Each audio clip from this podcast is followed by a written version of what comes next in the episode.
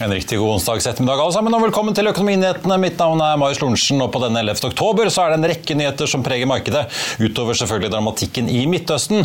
Exxon lander et gigantoppkjøp i skifferområdet Permian. Et oppkjøp kan det også bli her hjemme i sportsnæringen, for XXL har fått en interessent på banen. Stortinget ber om hjelp til å fjerne Fosen-demonstranter som har inntatt vandrehallen, samtidig som regjeringen og reineierne altså forhandler hos Riksmegleren, etter at staten altså for lenge siden tapte i vindmøllesaken mot Fosen-samene i Høyesterett. Og så har Avinor kommet med ferske tall som fortsatt viser det de selv beskriver som en skuffende svak utvikling i flytrafikken.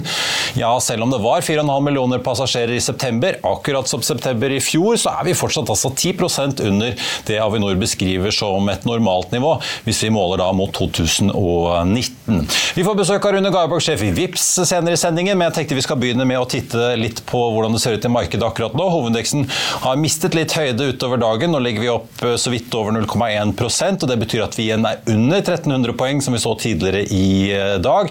Nedover på kontinentet så har det derimot tikket litt oppover, og de fleste indeksene, med unntak av Stockholm og Paris, ligger nå i eh, pluss. På Wall Street så peker futuresen oppover før åpning om 57 minutter, og det kan tyde på at vi får en tredje dag med oppgang i de amerikanske markedene i dag. Vi så de asiatiske børsene tikke pent oppover i morgentimene i dag også. Vi fikk solide tall fra Samsung og LG på kvartalsfronten fronten. Og spekulasjoner om nye tiltak fra kinesiske myndigheter har også bidratt til et positivt sentiment i regionen. Nordsjøoljen har mistet høyde utover dagen. Vi var over 88 dollar fatet. Nå ligger vi rett under 87, mens den amerikanske lettoljen så vidt nå prøver å holde seg over 85 dollar fatet. Gassprisen faller litt tilbake i dag, i hvert fall her i Europa. Hvis vi ser på TTF-prisen i Nederland, den steg jo kraftig mandag og tirsdag med mellom 12 og 15% da, som følge av både selvfølgelig angrepet på Israel, streikefaren som har har kommet tilbake hos Chevron i Australia, og ikke minst Finland. Nato-sjef Jens Stoltenberg varsler i dag et sitat samlet og bestemt svar hvis det viser seg at skadene på gassrørledningen Baltic Connector mellom Finland og Estland skyldes et angrep. Og så får vi også nevne da selvfølgelig at Finland er jo på vei da inn i Nato. Men på nyhetsfronten, la oss begynne med nyheten som det har versert rykter om, bl.a. i Wall Street Journal de siste dagene, og som utvilsomt setter agendaen i råvaremarkedene i dag. En nyhet som viser at det er store ting på gang i amerikansk oljeindustri, nemlig Exxons gigantoppkjøp i USA. Den Texas-baserte oljekjempen blar nå opp 59,5 milliarder dollar i form av egne aksjer for å overta Pioneer Natural Resources i det som ikke bare er det største oppkjøpet Exxon gjør på mange mange år, men som også er det desidert største oppkjøpet vi har sett i markedet generelt så langt i år. Selskapsverdien med gjeld er satt til 64,5 milliarder dollar, og budet tilsvarer en premie på 9% hvis vi ser da på den 30 dagers volumvektede aksjekursen til Pioneer, ifølge Exxon. Begge styrene anbefaler dealen, som er ventet da å bli gjennomført i første halvår neste år. Oppkjøpet gjør at Exxon dobler fotavtrykket sitt i Permian-området på land i Texas og sørvest i USA. Et område Exxon jo har satset tungt på, sammen med bl.a. Chevron i senere år.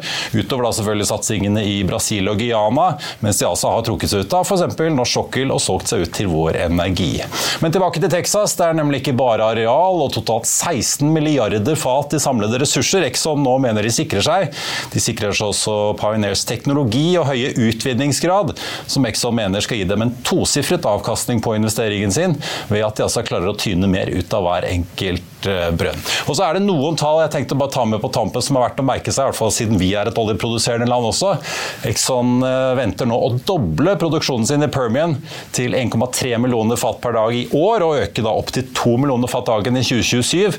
Det betyr at de puster norsk sokkel bra i nakken. Det er også verdt å merke seg at Exxon vil fremskynde Pioneers mål om å ha null netto utslipp fra Permian-produksjonen ned fra 2050 til år 2035. Så får vi se da om Bjarne Schjelderup eh, i får rett. Han har jo sagt at dette oppkjøpet kan redusere risikoen for en eh, ukontrollert Klondyke-vekst fra amerikansk skifer fremover, hvis oljeprisen forblir på dagens eh, nivåer.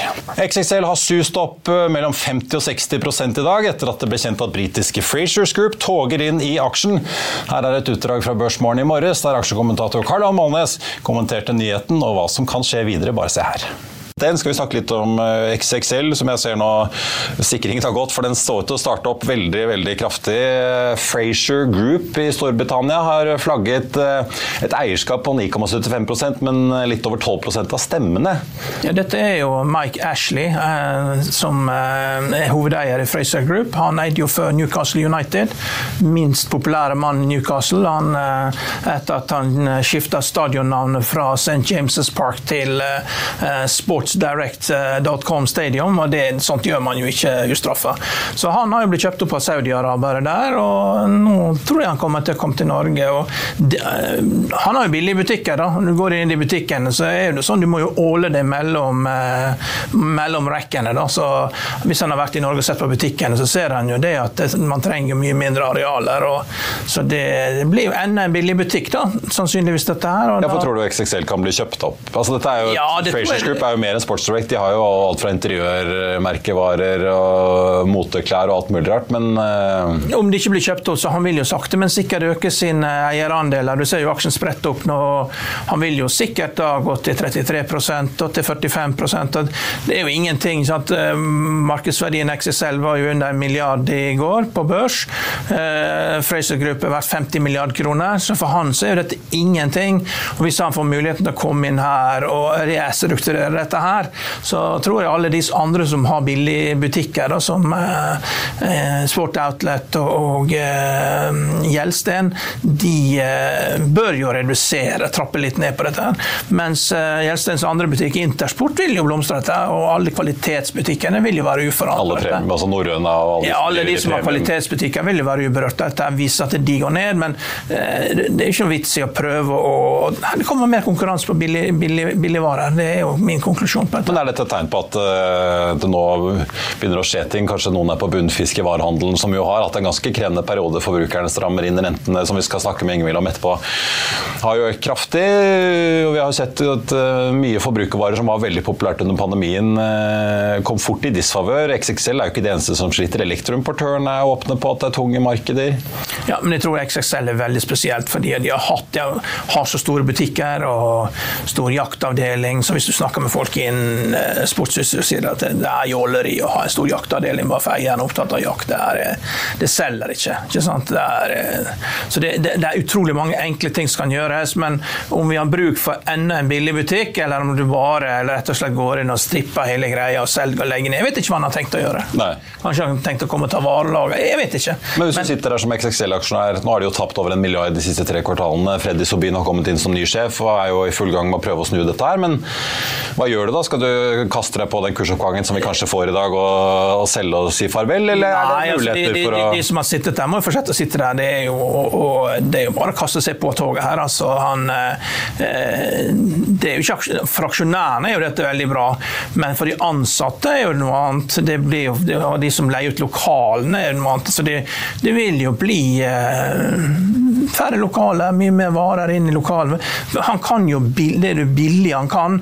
og, og det er jo ikke noe sånn high end luksus sportsutstyr i, i, store områder i UK. Det er jo altså det som selges av luksusvarer der borte altså, Det, det fins ikke noe sånt som eh, liksom eh, Disse luksusbutikkene i Norge altså, Det er ikke så intensivt på fritidsutstyr. Han kan jo ingenting om det. vet du. Det, det, når de reiser til Alpen, så leier jo de ski, de leier jo alt utstyret. og Det er jo ikke det, er jo ikke det samme. så det, det er ingen, ingen, ingen illusjon om han skal komme inn og konkurrere i high end-markedet. Det kommer ikke til å skje. Nei. Nå får vi se. Det har ikke kommet noen melding fra Frasers utover selve flaggermeldingen, hvor de for øvrig skrev feil. De skrev at de hadde kjøpt i september, men det var jo i går de hadde kjøpt aksjene. Ja. Vil du bli oppdatert på det viktigste som har skjedd innen finans og næringsliv? Da er det bare å følge med, for hver morgen er jeg, Marius Lorentzen og aksjekommentator Karl Johan på plass i studio for å ta tempen på dagens marked i Børsmorgen. Og hver ettermiddag oppsummerer vi alt du trenger å vite i økonominyhetene, og det blir selvfølgelig masse interessante gjester. Klikk deg inn på fa.no-tv, eller søk opp Børsmorgen og Økonominyhetene der du hører på podkast.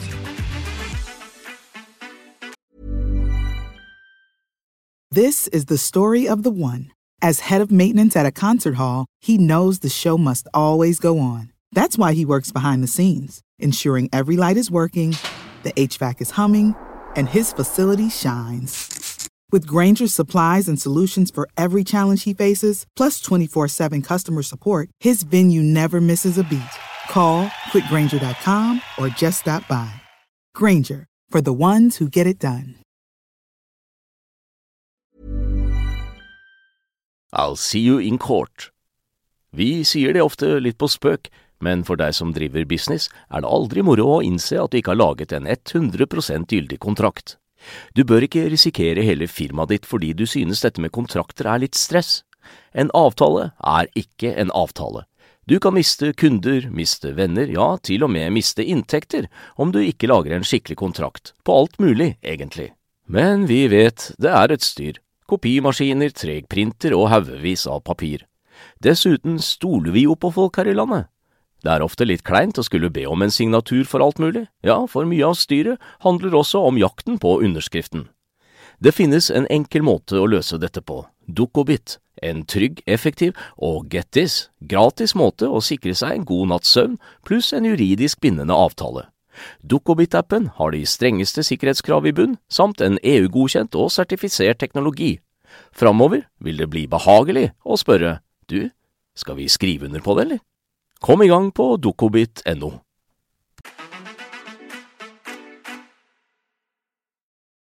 Og XXL er opp nå 48,2% til så vidt over kronen per aksje.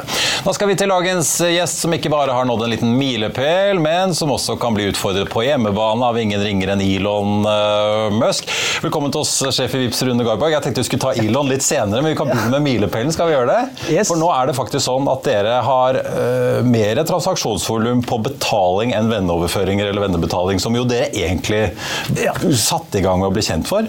Hele suksessen til eh, merkevaren og, og veksten den har jo vært basert på vennebetaling. Eh, og det har vært fantastisk, men det er jo ingen tvil om at det har vært kostbart. Det blir ikke noe butikk av det, for du tar ikke betalt for det, Vi nei. tar ikke betalt for vennebetaling, og det ser man jo også i, i store deler av Europa og i verden, at eh, det er gratistjenester.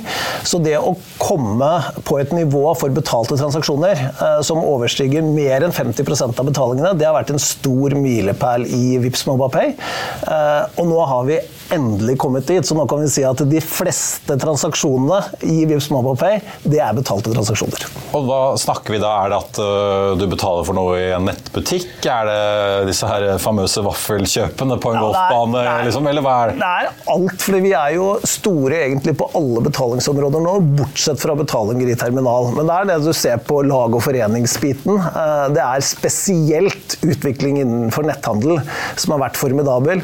Vi har jo en vekst nå på netthandel siste tolv måneder på eh, 5-36 Sånn at netthandelsveksten i et marked som har vært eh, langt mer forsiktig på netthandel, har vært formidabel for Vipps Mobapay sin del det siste året. Er det da, for jeg ser jo dere, dere konkurrerer jo med Klarna og selvfølgelig vanlige kortbetalinger. Det er mange som kjemper om beinet her, men øh, hva er det som gjør at folk, eller at dere klarer å selge inn? Er det det at du får ferdig utfylt adresse og alt i den, basert på telefonnummeret som er liksom oppskriften på vekst i et tross alt ganske krevende retail-marked nå? Det er først og fremst forenklingen, eh, men det er også trygghetsaspektet. Altså dette går veldig mye på tillit, eh, og dette er det største konkurransefortrinnet vi har opp mot en del av de store internasjonale aktørene.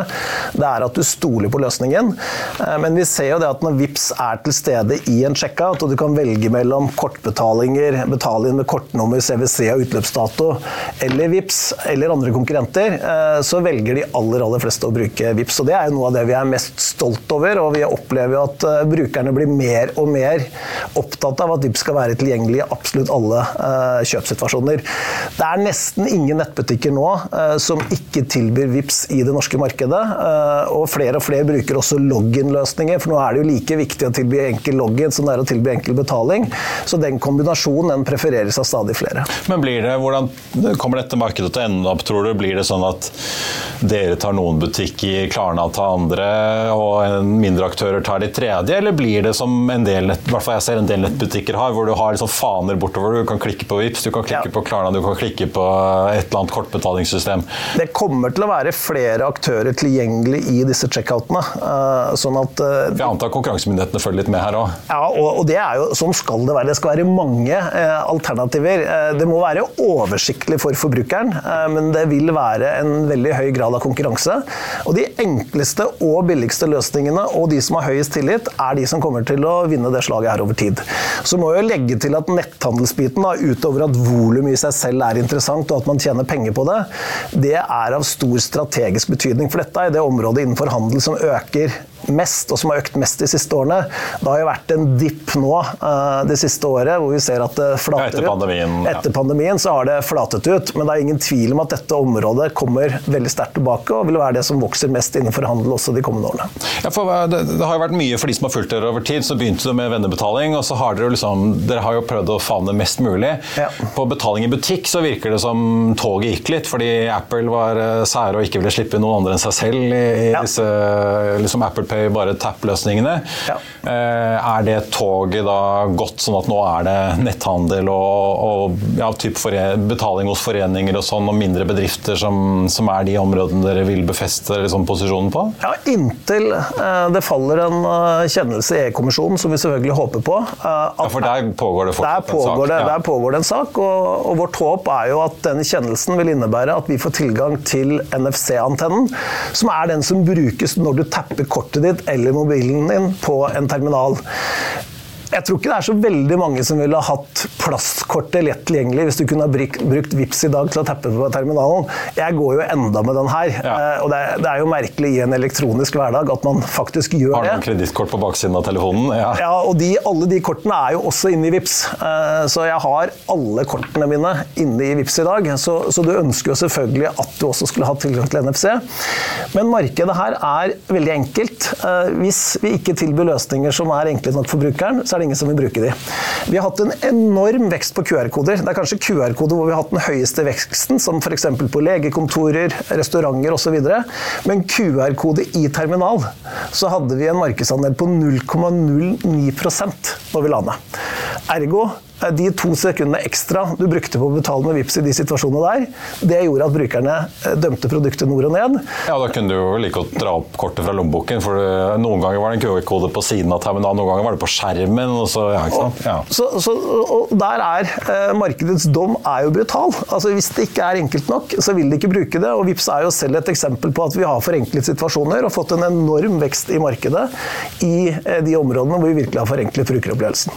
Men eh, sånn inntjening forretningsmessig, jeg antar jo, nå er det jo ikke bare DNB, dere ble jo spunnet ut av DNB i sin tid, men dere har jo masse ulike banker som eiere nå. Jeg antar jo de også er interessert i at dere skal begynne å tjene penger etter å ha vært en voldsom vekst i mange mange år, investert store summer og ressurser i å etablere dere og utvikle disse løsningene. Eh, klarer dere å gå i pluss uten betaling i butikk? Tror du? Eller, for ja. det går jo fortsatt 300-400-500 millioner i minus i året? For dette, dette, når vi ser på betalingsterminalene, eh, der er eh, marginene eh, på veldig mange områder veldig lave. Vi har en veksttakt på netthandel som er særdeles høy. I tillegg til at vi vokser på det området, så ønsker vi å komme med flere produkter og tjenester som gjør at vi tar en større del av verdikjeden. Så vår ambisjon det er å gå i pluss i løpet av et par år. Og vi må huske på at vi fisjonerte jo ut Bankaksept og BankID i fjor for å kunne fusjonere med MobilePay. Eh, og, og BankAksept og BankID tjente jo gode penger, så vi tar nå to selskaper som i utgangspunktet da har tapt eh, relativt store beløp. Og så ser vi nå så store synergier gjennom at vi nå kan etablere én felles plattform.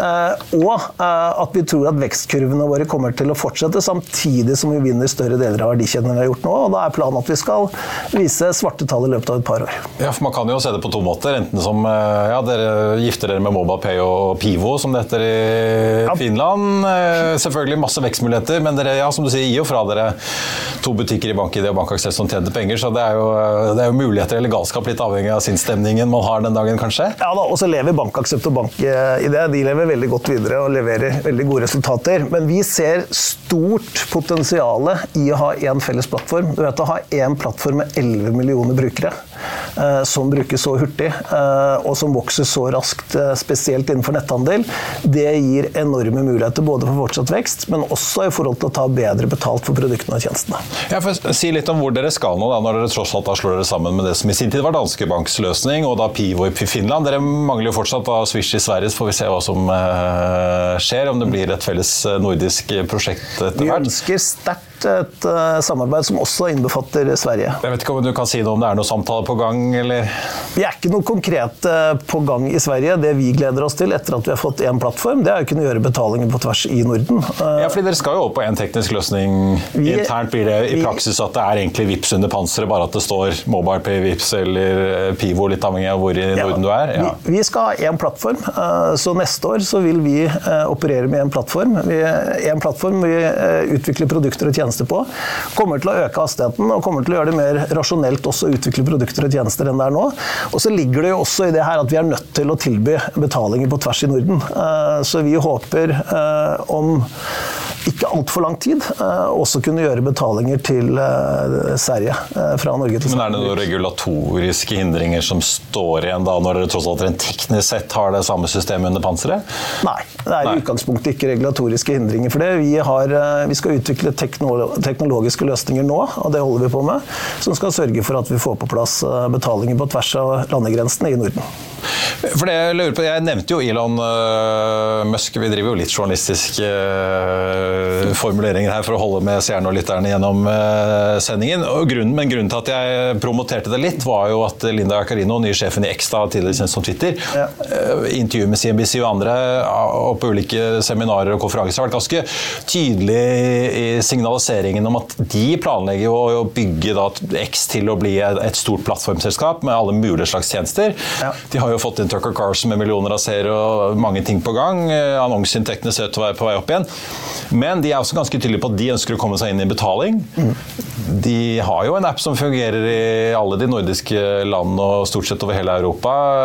Det har jo mange år vært snakk om PST2-direktivet i Europa, at det skulle åpne opp for at Apple og Facebook og andre kunne suse inn og overta mye betalinger for banker og eksisterende aktører. Men hvor stor trussel tror du Elon kan være? da? Han har jo evnet å disrupte på godt norsk ganske mange andre bransjer? Jeg tror i hvert fall vi skal være veldig forsiktige med å undervurdere det. Jeg må jo si at jeg syns det er forfriskende når de ser visjonen av deres, dette med all in one app-løsningen. og Da snakker de både om finansielle tjenester og de snakker om å dra inn egentlig hele nettuniverset som du har sett med, med WeChat i, i Kina.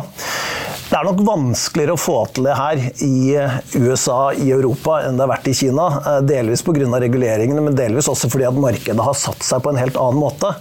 Eh, og Vi kan også nevne Amazon som et eksempel her. Når de har kommet med løsningene sine til Norden, og vi har jo sett det nå i Sverige, så kommer de til markedet hvor forenklingene har skjedd i et høyt tempo over lang tid. Eh, så du er nødt til å komme opp med enda mer revolusjonerende løsninger for å begeistre brukerne. Når det er sagt, så må jeg jo si at Eh, en mann som har skapt og fått til det han har gjort på så mange områder, eh, de følger vi veldig godt med på i forhold til hvordan de skaper den merverdien av å legge inn flere produkter og tjenester. Men det er jo ingen tvil om at de heller også møter en del negative røster og reaksjoner eh, på den retningen som man nå er i ferd med å tegne ut. Så det blir veldig spennende å se. Men vi følger godt med. Han er jo grunnlegger av PayPal. Han har vært borti betalingsløsninger før. Han, han har bevist at han kan få disse tingene til til å fly i et tempo som man knapt har sett. Og Det er jo noe av det som virkelig gjør det her så spennende. For vi er i konkurranse her med de største globale aktørene som vil inn i det markedet. Og det gjør jo betydningen av å komme ut med nye produkter og tjenester i et høyt tempo, som begeistrer og forlenker kundenes hverdag i et enda større tempo. Du spurte i sted litt om Norden og hva vi skal i Norden.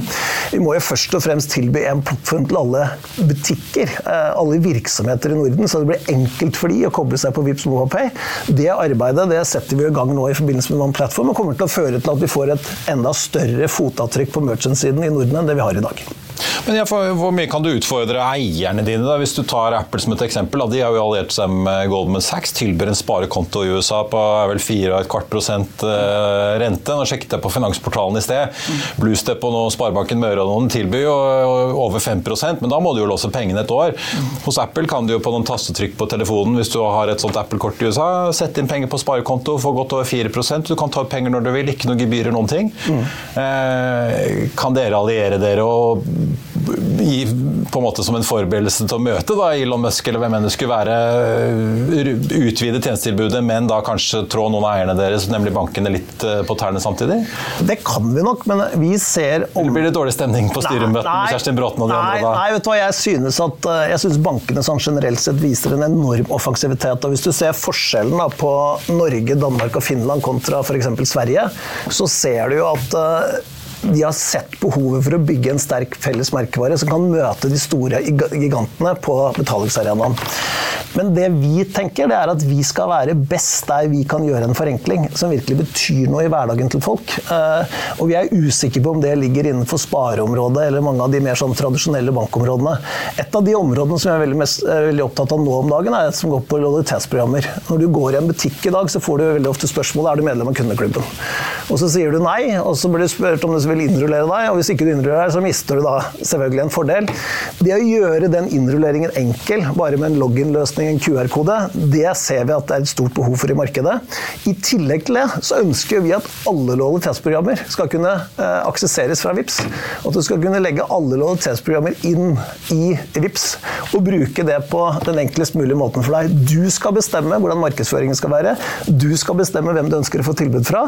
Det er den type forenklinger vi tror kan skape en felles verdi både for sluttkundene og for bedriftene. For jeg husker Link Mobility jobbet jo lenge med å prøve å skape en sånn slags plattform for ja. disse lojalitetsprogrammene, men det virket jo ikke som det, liksom de klarte å få samlet nok aktører til at dette ble en stor greie? Da. Nei, og vi tenker Nå nå har vi 4,5 millioner brukere i Norge, 11 millioner brukere i Norden. Eh, det å kunne enkelt signe deg opp på de lojalitetsprogrammene du ønsker å være en del av, enkelt bruke de eh, via VIPS, det er et kjempeverdiforslag både for bedriften og for sluttkundene. Ja. Yeah. Men tradisjonell bankvirksomhet, dere har jo dere tilbyr, du kan jo gå inn og godkjenne e-fakturaer i, ja, i VIPS, så dere har jo, Vi har det. Uh, dere har jo trålt uh, ut i på en måte banktjenestesfæren før, da, men vi, slik jeg tolker deg nå, så er det mer de mer forbrukerrettede tjenestene dere er mest opptatt av nå? Ja, også på det tidspunktet vi gikk ut altså med regningsbetaling. Altså, da var det jo veldig mye fremdeles snakk om eh, kontonummer eh, og, og KID-nummer. Eh, og så kom vi med skanning-funksjoner av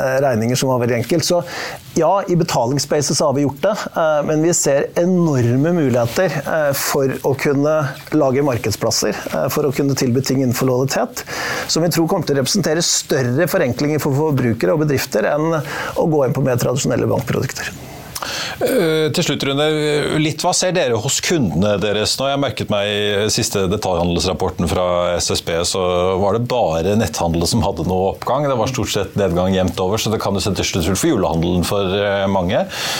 Hva ser dere ute hos dere nå? Da? Du sa jo at det virker som nett Altså Dere vokser jo, men likevel. Da, hvordan ja, liksom ser makroen ut når dere sitter og ser på indikatorene dere har tilgang på? Vi ser at det er en del sektorer som, uh, som beveger seg sidelengs, eller hvor det går nedover. Uh, vi har jo, Jeg husker under pandemien når vi så på veksten innenfor uh, sportsartikler, havemøbler, møbler, elektronikk. Altså enorm vekst.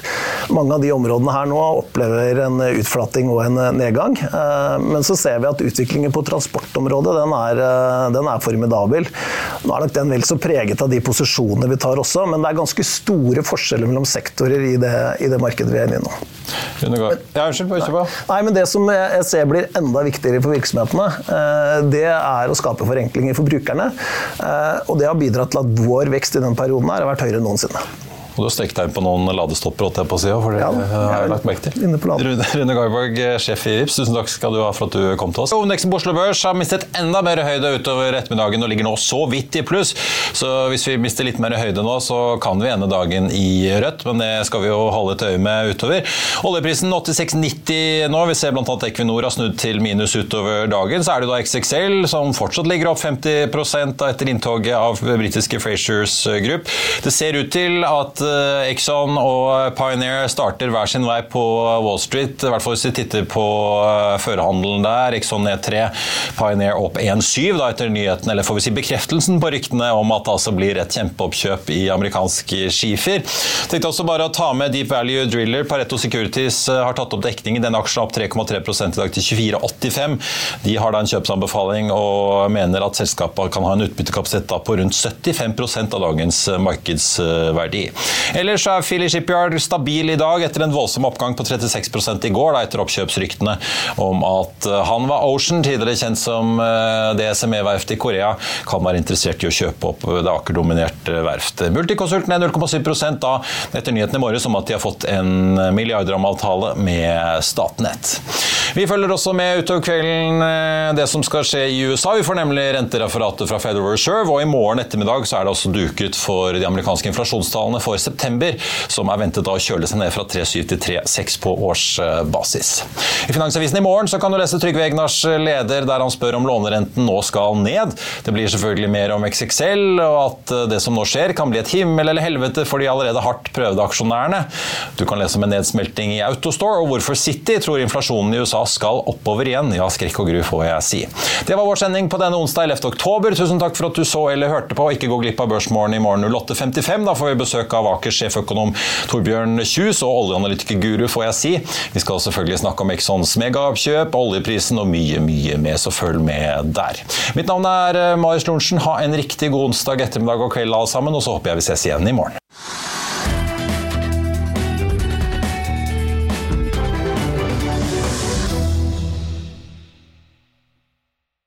Økonominyhetene er en podkast fra Finansavisen. Programledere er Marius Lorentzen, Stein Ove Haugen og Benedikte Storm Bamvik. Produsenter er Lars Brenden Skram og Bashar Johar. Og ansvarlig redaktør er Trygve Hegnar.